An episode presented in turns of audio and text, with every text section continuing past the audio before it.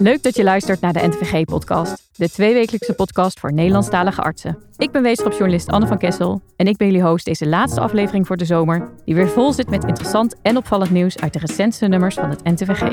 In deze aflevering hoor je onder meer over een brief waarin artsen oproepen tot maatregelen om een zorginfarct te voorkomen. Dat rampscenario waar we al wel in zitten. Alleen de urgentie lijkt bij de samenleving niet helemaal door te dringen. De hoogtepunten uit de recente internationale medische literatuur, behandeld door artsen in opleiding Tim en Ers-Jan. We hadden dit keer eigenlijk enorm veel om uit te kiezen. Ja, dat klopt. En de vraag wat specialisten en huisartsen aan moeten met het toenemend aantal jongeren en kinderen dat medische hulp zoekt vanwege vragen over hun genderidentiteit. Kan een kind op deze jonge leeftijd eigenlijk al een besluit nemen over de genderidentiteit? Hè? En met name als het gaat over irreversibele behandeling.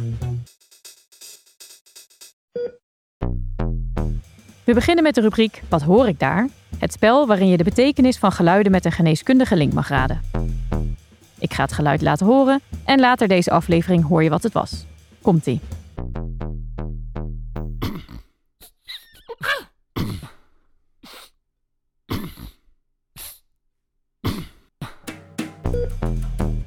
Laat het maar even bezinken, gaan wij ondertussen luisteren naar het eerste interview van Job. Als we als samenleving niet in actie komen, loopt de zorg vast. Dat schrijven artsen van het Gezonde Zorgnetwerk in een brief gericht aan ons allemaal. De schaarste aan personeel en oplopende kosten door de vergrijzing dwingen tot harde keuzes en hervormingen.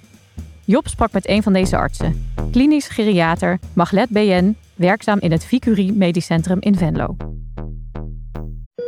Welkom in de podcast, Maglet. Bedankt voor uh, de uitnodiging. Om het statement maar meteen helder neer te zetten, zou je de eerste twee alinea's van jullie brief die jullie hebben geschreven kunnen voorlezen? Ja, dat kan ik uh, uiteraard doen. Dit is een brief aan ons allemaal over het gevaar van toenemende schaarste in de zorg, met concrete voorstelling voor verandering en verbetering. Geschreven door een groep bezorgde zorgprofessionals, gericht aan iedereen in Nederland. De zorg in Nederland loopt vast. Personeelstekorten nemen toe en kosten stijgen elk jaar door. Toegang tot zorg wordt steeds minder vanzelfsprekend. Wie krijgt de voorrang als er twee mensen zorg nodig hebben, maar slechts tijd voor één, personeel en geld beschikbaar is voor één? Deze schaarste is al werkelijkheid en neemt toe als er niet nu iets verandert. Zou je kunnen vertellen hoe jullie tot dit statement gekomen zijn? Gezonde Zorgnetwerk bestaat uit een groep zorgprofessionals met verschillende achtergronden. Denk aan verpleegkundigen, artsen, maar ook adviseurs van zorgverzekeraars. We hebben meerdere bijeenkomsten gehad, eh, waarbij elke keer een thema centraal stond. En deze discussies werden geleid door jullie redacteur Gezonde Zorg, Lester Duperon. Elke bijeenkomst probeerden we te eindigen met conclusies, consensus over conclusies en ook met concrete voorstellen vanuit ons. En Lester heeft de taak op zich genomen om dat te bundelen in twee A4'tjes met de conclusies die dan nu in de brief staan. Waarom was dit statement nodig? Voor mensen die in deze problematiek zitten, zal er weinig nieuws in staan. Want deze alarmerende conclusies die zijn al in eerdere rapporten getrokken. Alleen de urgentie lijkt bij de zorgverleners, bij de beleidsmakers, maar ook vooral bij de samenleving niet helemaal door te dringen. Dit is een taak van de gehele maatschappij. En ja, de beleidsmakers kunnen heel weinig zonder draagvlak vanuit de samenleving. Zou je iets meer kunnen vertellen over wat voor punten jullie aanhalen? Wat moet er gaan gebeuren wat jullie betreft? We hebben tien punten die we benoemen. Dit zijn actiepunten voor de overheid om de regie te pakken, maar ook actiepunten voor ons als zorgverleners. Om toch ook de maatschappelijke plicht te vervullen om ook het gesprek aan te gaan in de spreekkamer. Voorstel naar de samenleving toe, om ook besef te hebben als zorgafnemer dat niet voor elke vraag die je hebt als patiënt, dat daar altijd een oplossing in het medische circuit voor is. En ook voorstellen voor verandering van contractering door zorgverzekeraars. Want daar ligt ook een heel groot punt. Namelijk dat op dit moment de contractering heel erg gericht is op productieprikkel en het meer leveren van zorg. En helemaal niet in het afzien van ongepaste zorg. Waarom blijkt het toch steeds zo moeilijk? Is het puur inderdaad dat die prikkel er niet ligt? Om zeg maar soms niks te doen of soms minder te doen. In plaats van toch een reactie op een verzoek juist in die handelmodus te schieten? Ik denk dat het helemaal niet zo moeilijk is. Artsen denken dat patiënten het gesprek moeilijk vinden. Patiënten denken dat de arts er niet over begint omdat de optie er niet is. En zo komt het gesprek er niet. Terwijl als je het gesprek aangaat, dan uh, staan patiënten er heel vaak voor open als je het goed kan onderbouwen. Alleen het probleem ligt hem in de tijd voor de gesprekken. Want zo'n gesprek aangaan kost tijd. En je wordt er als zorgverlener zowel qua beloning als qua tijd voor afgestraft. Want je krijgt geen tijd voor het voeren van het gesprek. En als je eenmaal afziet van de behandeling, uh, levert dat geen beloning op. Alleen het doen, het uitvoeren en behandelen levert tijd op en niet het afzien van behandelen. Maar ik denk ook dat er een kennislacune is. Dat merk ik dat veel collega's denken dat ze patiënten tekort doen als ze uh, dit gesprek aangaan en op een gegeven moment ook afzien van behandeling. Terwijl we eigenlijk de laatste jaren ook vanuit de wetenschap weten dat in die laatste levensfase van een patiënt, en dat geldt vooral voor de kwetsbare ouderen als voor patiënten die een ziekte hebben in palliatieve fase, dat er ook veel behandelingen zijn uh, die erger zijn dan de kwaal. Dat patiënten door het behandelen slechtere kwaliteit van leven ervaren, maar ook dat het helemaal geen gezondheidswinst oplevert.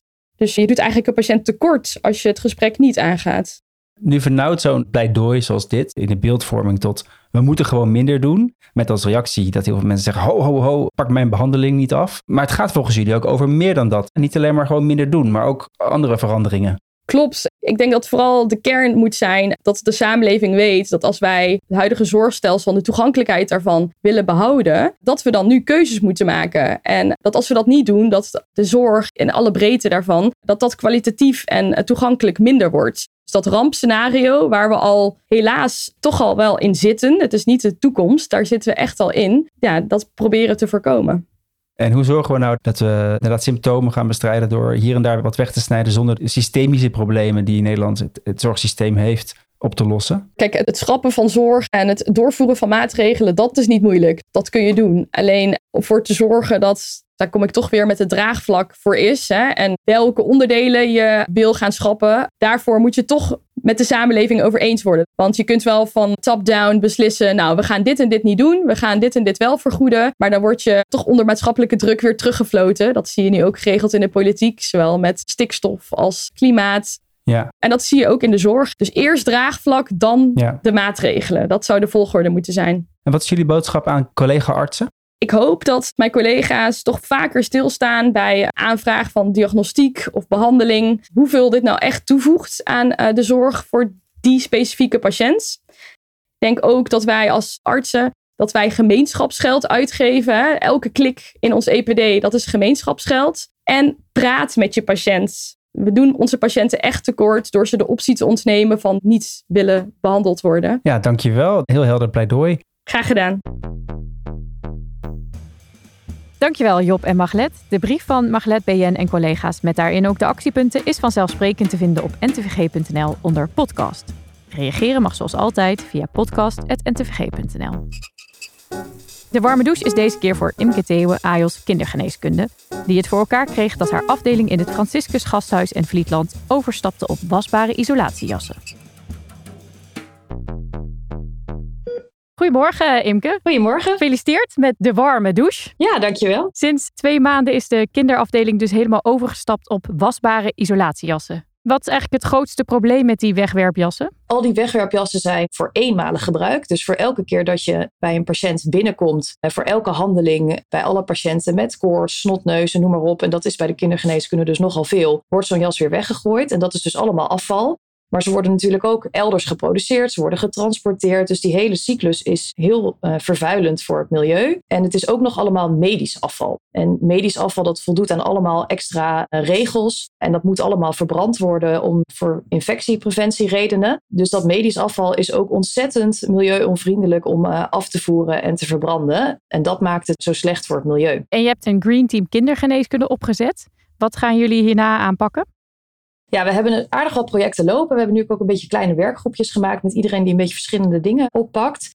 Dus we zijn onder andere aan het kijken naar het vervangen van onze saturatiebandjes. Die worden eigenlijk met stekker en al worden ze nu weggegooid voor eenmalig gebruik. En er bestaat van dezelfde leverancier ook een variant waarbij je alleen het tapeje dat om de vinger of pols gaat uh, vervangen kan worden. En niet die hele stekker. En dat blijkt ook nog eens echt heel erg veel goedkoper te zijn. Met echt uh, tienduizenden euro's op jaarbasis. Dus nou, dat soort projecten zijn we nu aan het oppakken. We hebben heel veel projecten lopen. Ja, want heb jij dan ook, als andere mensen dit ook zouden willen doen tips ervoor? Is er een soort handleiding van hoe pak je dit aan, zodat niet iedereen het, het wiel opnieuw hoeft uit te vinden? Dat is wel een soort van droom. En ook binnen het nieuwe landelijke kindergeneeskunde Green Team, de Groene Kinderarts, zijn we daar ook naar aan het kijken van hoe kunnen we die initiatieven nou goed delen. Ik sta er in elk geval voor open dat mensen mij benaderen als ze hiermee aan de, aan de slag willen voor eh, tips. Maar sommige dingen zijn ook wel weer heel erg ziekenhuisafhankelijk en het is dus niet heel universeel. Dus het is ook wel een beetje kijken waar loop je in je eigen ziekenhuis tegenaan als je dit zou uh, willen veranderen en hoe moet je daar dan mee omgaan. En daar kan ik zeker wat tips voor geven, maar een universeel plan is wat dat betreft wel iets lastiger. Dankjewel Imke. Ja, jullie bedankt.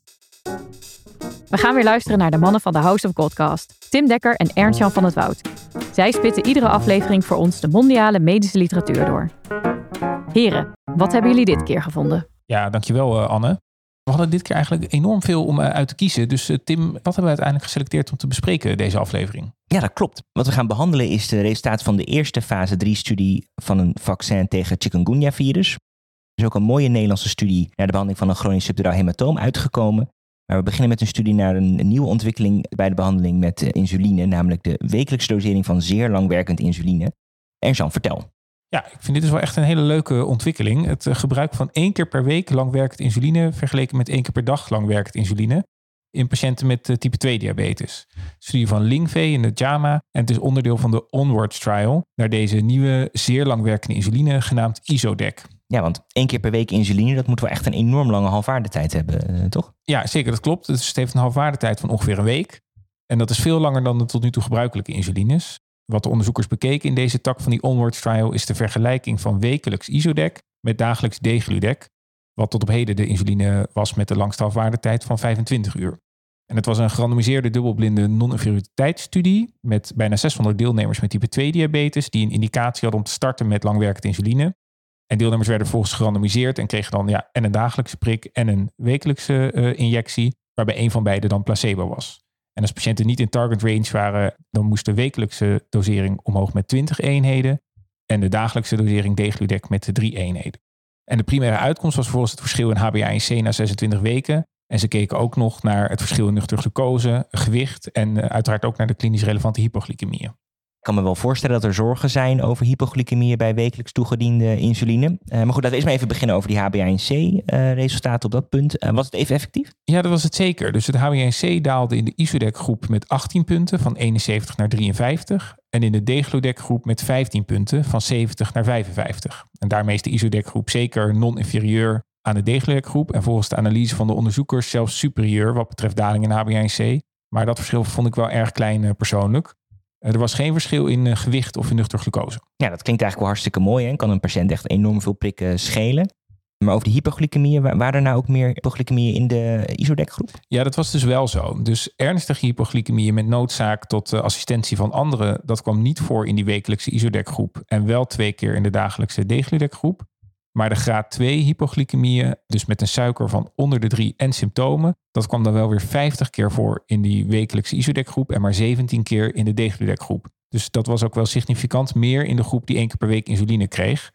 Dat klinkt overigens wel eens erg veel, 50 keer, maar het kwam uiteindelijk neer op één hypoglycemie per drie patiëntjaren. Dus in absoluut aantal valt het dan wel weer mee. Ja, en dat klinkt dan eigenlijk allemaal wel om heel erg enthousiast van te worden. Ik vond het verschil tussen die twee en HbA1c-afname inderdaad wel erg gering.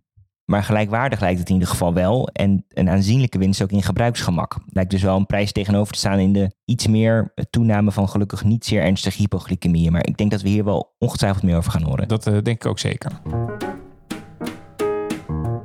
Ja, en dan de volgende studie, die vond ik ook wel heel leuk om te lezen. En dat gaat namelijk over een vaccin tegen chikungunya. Dat is een misschien wat minder bekende tropische ziekte. Die wordt overgedragen door een mug. En het leidt tot koorts, huiduitslag en, en gewrichtspijnen. En het is een ziekte die ook wel voorkomt in Caribisch Nederland. En toevallig was ook een grote uitbraak toen ik uh, co-assistent was in, uh, in Suriname in 2014. In Europa kennen we het voornamelijk als, als reizigersziekte. Het is wel interessant, die naam chikungunya, dat is in een Oost-Afrikaans dialect gebogen man. Wat denk ik wel wat zegt over ja, de impacten die het kan hebben. Dat ook mensen ja, na de infectie langdurig nog persisterende gewrichtsklachten kunnen hebben. Dus zeker zaak om zoveel mogelijk te voorkomen dat mensen geïnfecteerd raken. Alleen, ja, er is eigenlijk nog niet zoveel opties op dat uh, gebied. Maar nu is er een mooie vaccinstudie, toch? Ja, klopt. Ja, dat is een mooie introductie, Ernst-Jan, op de studie van Snijder en collega's. Zij staan in de Lancet. En zij hebben gekeken naar de effectiviteit van een levend verzwakt vaccin tegen chikungunya. En in de studie werden gezonde volwassenen gerandomiseerd tussen ofwel het vaccin of placebo. En vervolgens werd op herhaaldelijke momenten bloed afgenomen om te kijken of de deelnemers een immuunrespons hadden opgebouwd uh, tegen chikungunya. Ja, dus ze keken niet naar of mensen het wel daadwerkelijk gekregen hebben, maar dus naar de antistoffen. Is dat vergelijkbaar? Ja, dat is net wel een punt. Ze hebben gebruik gemaakt van laboratoriumtesten om te kijken naar de verworven immuniteit tegen chikungunya na vaccinatie. En ze hebben eigenlijk in vitro gekeken naar of de proefpersonen voldoende antistoffen hadden opgebouwd om een chikungunya-virus in een reageerbuis te neutraliseren. Dat staat allemaal wel mooi beschreven in het artikel. Het lastige aan chikungunya is, is dat het heel vaak sporadische uitbraken kent. En dus is het heel moeilijk om in zo'n periode dan snel ter plaatse een klinische trial te organiseren. Dus hebben de, de onderzoekers maar gebruik gemaakt van deze methode, ja. Ja, nou, dat is op zich weer begrijpelijk. Dus geen klinische effectiviteit, maar wel gekeken naar verworven antistoffen. En, uh, en wat waren de resultaten? Werkte het goed? Ja, dat bleek dus wel. Het uh, vaccin had echt wel een goed effect. Het uh, primaire eindpunt was de aanwezigheid van antistoffen op dag 29. Um, de onderzoekers hebben dat bepaald in 266 deelnemers en hebben gevonden dat het optrad bij al bijna 99% van de deelnemers in de vaccinatiegroep en niet in de placebo-groep. En goed om te weten ook nog is dat dit waar was voor zowel deelnemers onder als boven de 65 jaar klinkt inderdaad in vitro wel als een heel goed resultaat. En naast die effectiviteit was er ook nog een veel grotere groep die het vaccin kreeg van ruim 3000 patiënten, met name naar de veiligheid eh, te kijken. Natuurlijk ook belangrijk bij vaccins. Waren daar nog relevante bijwerkingen opgetreden? Ja, dat viel wel heel erg mee. Er werden twee patiënten opgenomen na vaccinatie. Eén patiënt had myalgie en een andere patiënt had een hyponatremie. Dat is eigenlijk allebei zonder grote consequenties voor de patiënten. Daarnaast traden er ook reacties op die je wel kunt verwachten bij een vaccin. Dus wat verhoogde temperatuur en myalgie, maar in ieder geval geen ernstige reacties klinkt uh, wat mij betreft wel alsof het een heel mooi vaccin is. Ik ben benieuwd of dit zich dan uh, wellicht in de toekomst ook tijdens een, uh, tijdens een uitbraak gaat bewijzen. Maar dat zal de toekomst leren, denk ik. Dat gaan we zien. Ja, en dan de laatste studie die we gaan bespreken. Dat is een Nederlandse studie genaamd de DEXA-trial. Mooi gekozen acroniem, want het gaat om de waarde van dexamethason bij de behandeling van een symptomatisch chronisch subduraal hematoom. Tim, je hebt dit gelezen in de New England Journal of Medicine en het is van de Mia en collega's. En eigenlijk is de eerste vraag die ik heb, uh, hoezo zou dexamethason werken bij een chronisch subduraal hematoom? Ja, die vraag had ik ook uh, inderdaad. Nu is bij een chronisch subduraal hematoom verzamelt zich bloed in de subdurale ruimte. En nu is de gedachte dat inflammatie ook een rol kan spelen bij het uitbreiden van die bloeding. En dat door remming van die inflammatie dexamethason misschien een gunstig effect kan hebben. Nou, in deze studie werd dexamethason vergeleken met boorgatdrainage voor de behandeling van een chronisch symptomatisch subduraal hematoom. En de primaire uitkomst was functionele status. En helaas, de groep die werd behandeld met dexamethason had een slechtere functionele uitkomst na drie maanden. En daarnaast waren er ook nog meer bijwerkingen. Hypoglycemie en de lier die traden vaker op in de groep die met dexamethason werd behandeld. En die groep werd ook langer opgenomen. Dus helaas niet gelijkwaardig. Nee, de studie is zelfs eerder gestopt hè, vanwege deze uitkomsten. Dus ja, hele relevante studie. Mooi ook dat die in Nederland is gedaan. En nu we weten dat het niet gelijkwaardig is aan primaire chirurgische behandelingen, kunnen we daar in de toekomst rekening mee houden. Dus uh, mooi onderzoek. Ja, en voor we af kunnen sluiten, moeten we nog reageren op een bericht van een oplettende luisteraar. Willem van Stemvoort, huisarts in Wijk bij Duurstede. Die stuurde ons een bericht over een door ons besproken artikel van Yuan en collega's in Nature Medicine, wat we in podcast 15 bespraken. En dat ging over zoutvervanging. In die studie werd gebruik gemaakt van zout met 25% KCl. En dat leek een gunstig effect te hebben op cardiovasculaire eindpunten. Nou, Tim, nou deed je er wat aan af door te zeggen dat jij het altijd direct merkt als je een zoutvervanger gebruikt. Maar Willem attendeerde ons erop dat ja, natriumarm zout bij ons in Nederland meestal voor 70% het KCl bestaat. Wat dus een stuk meer kalium is dan in de studie gebruikte product. Nu nemen wij de opmerking van onze luisteraars natuurlijk heel serieus. Dus dit hebben wij onderzocht. En dat speciale Chinese studiezout, dat hebben we niet kunnen bemachtigen. Maar we hebben net wel onze eigen zoutvervangers uh, gemixt. Om zo een poging te doen om het studiezout te vergelijken met 70% KCl. Tim, je hebt net geblindeerd drie eitjes met zout gegeten. 70% KCl, 35% KCl en 0% KCl. Blijf jij bij je standpunt of moeten we Willem gelijk geven? Ja, ik moet eigenlijk Willem wel gelijk geven, inderdaad. Uh, ja, ik kon het uiteindelijk wel van elkaar onderscheiden, maar ik heb wel echt getwijfeld tussen het normale 100% NaCl-zout en het zout met 35% KCl. Dus ik denk dat de smaakvervanger die gebruikt werd in de studie inderdaad veel beter smaakt dan de 70% KCl wat ik in mijn hoofd had. Dus laat dit een oproep zijn aan de zoutproducenten in Nederland om deze smaakvervanger ook in Nederland op de markt te brengen, want dat scheelt cardiovasculaire events. Ja, en dat was het dan voor deze keer wat betreft het wetenschappelijk nieuws. Heb jij nou ook een opmerking over een besproken artikel? Laat het ons dan vooral weten via podcast.ntvg.nl. En eh, voor nu tot eh, na de zomerstop en terug naar jou, Anne. Bedankt mannen, we horen graag na de zomer weer van jullie. Van het wetenschappelijke nieuws gaan we door naar het antwoord op de vraag: wat hoor ik daar? Het geluid dat je aan het begin van de show hoorde is van Pieter Hoekstra, kinder- en jeugdpsychiater bij Akare in Groningen. Goedemorgen, Pieter. Goedemorgen. Nou, vertel, wat, uh, wat hoorden wij? Mensen die geluidstics vertonen. Eigenlijk past dat bij het uh, syndroom van Gilles de la Tourette. Welke tics kunnen mensen met Gilles de la Tourette eigenlijk allemaal ontwikkelen? Grofweg gaat het eigenlijk om een combinatie van zogenaamde geluidstics. Vaak gaat het om snuif- of kuchgeluiden die helemaal niet zo heel erg opvallen. Eh, maar soms gaat het ook om meer hevige geluiden. Eh, bijvoorbeeld harde diergeluiden, caviageluiden, vogelgeluiden. Of soms ook het nazeggen van hele woorden of zinnen. Die geluidstics, daar waren voorbeelden van eh, te horen. Maar bewegingstics zijn ook een duidelijk kenmerk. Verhoogd oogknipperen, de neus ophalen, beweging met de mond, maar ook beweging met de schouder. En het kan heel erg wisselen in hoe opvallend het is. Heel vaak is het relatief onopvallend. Bij het algemeen publiek zijn vooral het ongewild roepen van scheldwoorden bekend. Maar dat komt eigenlijk alleen in een kleine minderheid van mensen met Gilles voor. En hoe vaak komen tikstoornissen zoals Gilles de la Tourette dan in het algemeen voor? Het komt het meest voor bij kinderen. Grofweg gaat het om een kleine 1%, 0,7% wordt gezegd. Dan gaat het om een combinatie van meerdere bewegingstics en tenminste één geluidstics, die ook nog langer dan een jaar aanwezig zijn. Dat zijn een beetje de afspraken. Ja. En hoe ziet uh, de behandeling eruit? Eigenlijk is het bij de behandeling goed te weten dat tics zich een beetje op het grensgebied bevinden van neurologie en psychiatrie. Bijna alle kinderen en ook jongeren met tics, die voelen die aankomen, kunnen die ook wel tijdelijk tegenhouden. Er zijn hele oefenprogramma's waarin je kinderen leert om tics tegen te houden of te vervangen door een andere beweging, waardoor die tik niet kan ontstaan. Dus daardoor geef je toch kinderen meer stuur aan het hebben van die tics. En, en wat is de prognose? Heel veel kinderen die hebben daar tijdelijk last van en die groeien daar toch wel overheen. Maar dat er ook nog wel een derde is, ja, die houden dat eigenlijk toch de rest van hun leven. Ja. Het is wel zo dat het vaak in golven gaat. Dus er zijn perioden waarin het erger is en ook rustige perioden. Dankjewel, Pieter. Graag gedaan. Heb je nou ook een geluid dat je graag wil inzenden? Stuur het dan naar podcast.ntvg.nl en wie weet spreken we je binnenkort. We zijn bij het tweede diepte-interview van vandaag aangekomen en dat gaat over knelpunten in de transgenderzorg. Een toenemend aantal kinderen en jongeren zoekt medische hulp vanwege vragen over hun genderidentiteit. Ondertussen ligt de Nederlandse aanpak, waarbij puberteitsremmers en geslachtshormonen centraal staan, onder vuur. Onderzoekers van het Radboud UMC en het Amsterdam UMC schetsen de recente ontwikkelingen en dilemma's in de behandeling. Job sprak met een van hen, internist endocrinoloog Hedy Klaassen van het Radboud UMC. Ja, welkom Hedy in de podcast. We gaan het hebben over de toename van het aantal kinderen en jongeren dat uh, medische hulp zoekt vanwege vragen over hun genderidentiteit. Over wat voor soort aantallen hebben we het eigenlijk? Job, dan beginnen we gelijk met een moeilijke vraag. Uh, dat is namelijk helemaal afhankelijk van de definitie die je hanteert en ook op welke manier deze vraag onderzoekt. VWS heeft een opdracht gegeven om dit nader te onderzoeken. Dat is ook gedaan. En zij geven in dit onderzoek aan dat ze eigenlijk transgender heel breed zien. Dus niet alleen maar mensen die een sociale transitie hebben doorgemaakt, of mensen die uh, medische hulp zoeken, maar mensen die hun genderidentiteit anders beleven dan wat is hun toegekend bij de geboorte.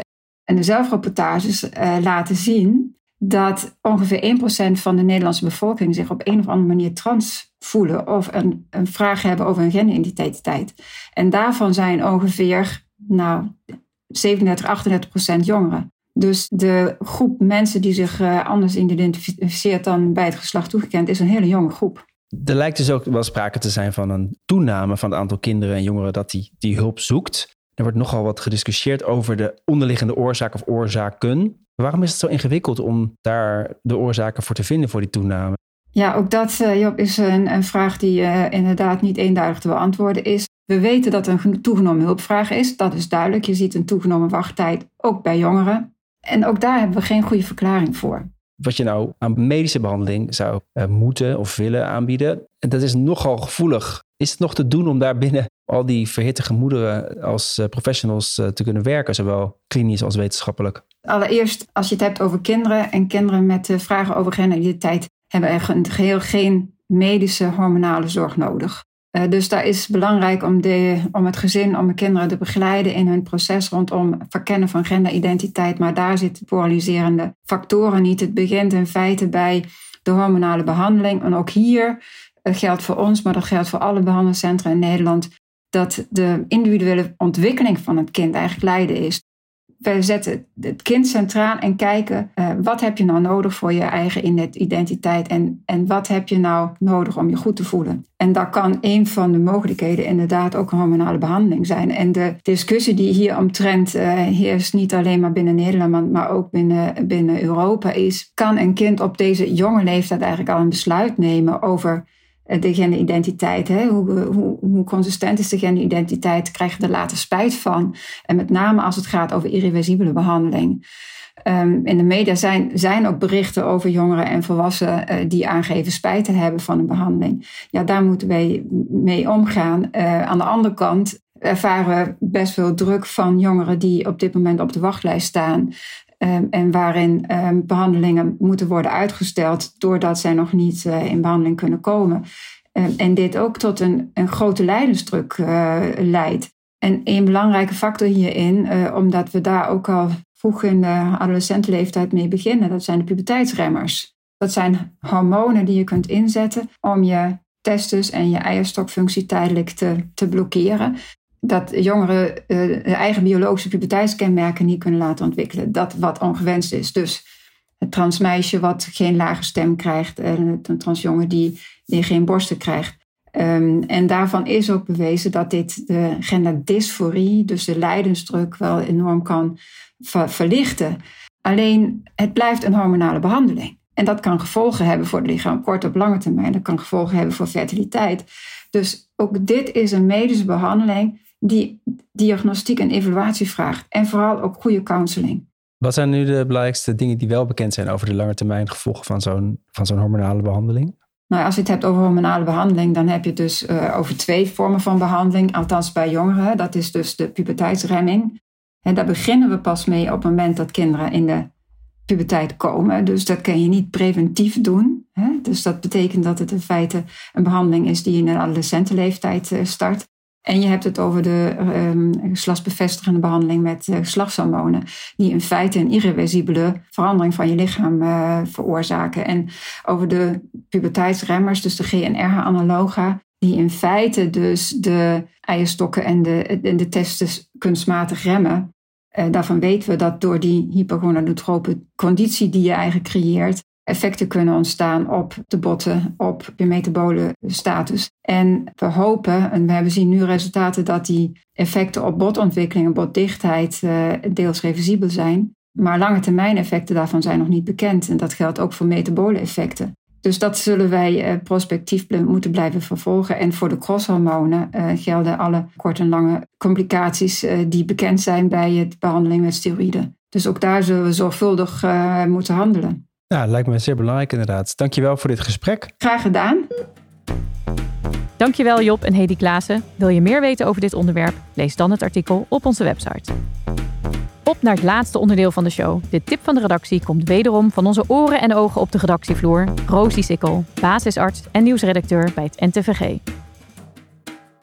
Welkom Rosie. Wat heb je deze week voor ons meegenomen? Ik heb dit keer weer een journalistiek stuk meegenomen van Piet Hein Peters. Die schreef over familieparticipatie in het ziekenhuis. En wat is dat? Familieparticipatie? Ja, dus eh, bij familieparticipatie worden familieleden in het ziekenhuis ingezet als mantelzorger eigenlijk. En zij voeren dan verpleegkundige taken uit en verzorgende taken zoals douchen, aankleden, dat soort dingen. Maar ook intensievere taken als wondzorg, infusen leggen, eh, medicatie toedienen, dat soort dingen. En waarom wordt dit in ziekenhuizen gedaan? Is dat om de werkdruk te verlagen bij verpleegkundigen of zit er meer achter? Dat is zeker een belangrijke reden. Dus er zijn gewoon grote tekorten in de zorg en de thuiszorg, maar ook in de ziekenhuizen zelf bij de verpleging. Maar daarnaast zie je ook dat het voor patiënten prettiger is om niet zo'n harde overgang te hebben van ziekenhuis waar alles geregeld wordt naar thuis, waar toch veel minder hulp is. En daarnaast om mensen wat meer autonomie en meer vrijheid uh, te geven thuis ook. En wat zijn de ervaringen van de ziekenhuizen die dit al doen? Er wordt nu in twee grote centra in ieder geval toegepast. Dus in het Amsterdam UMC doen ze het op de afdeling chirurgie en onderzoeksverband.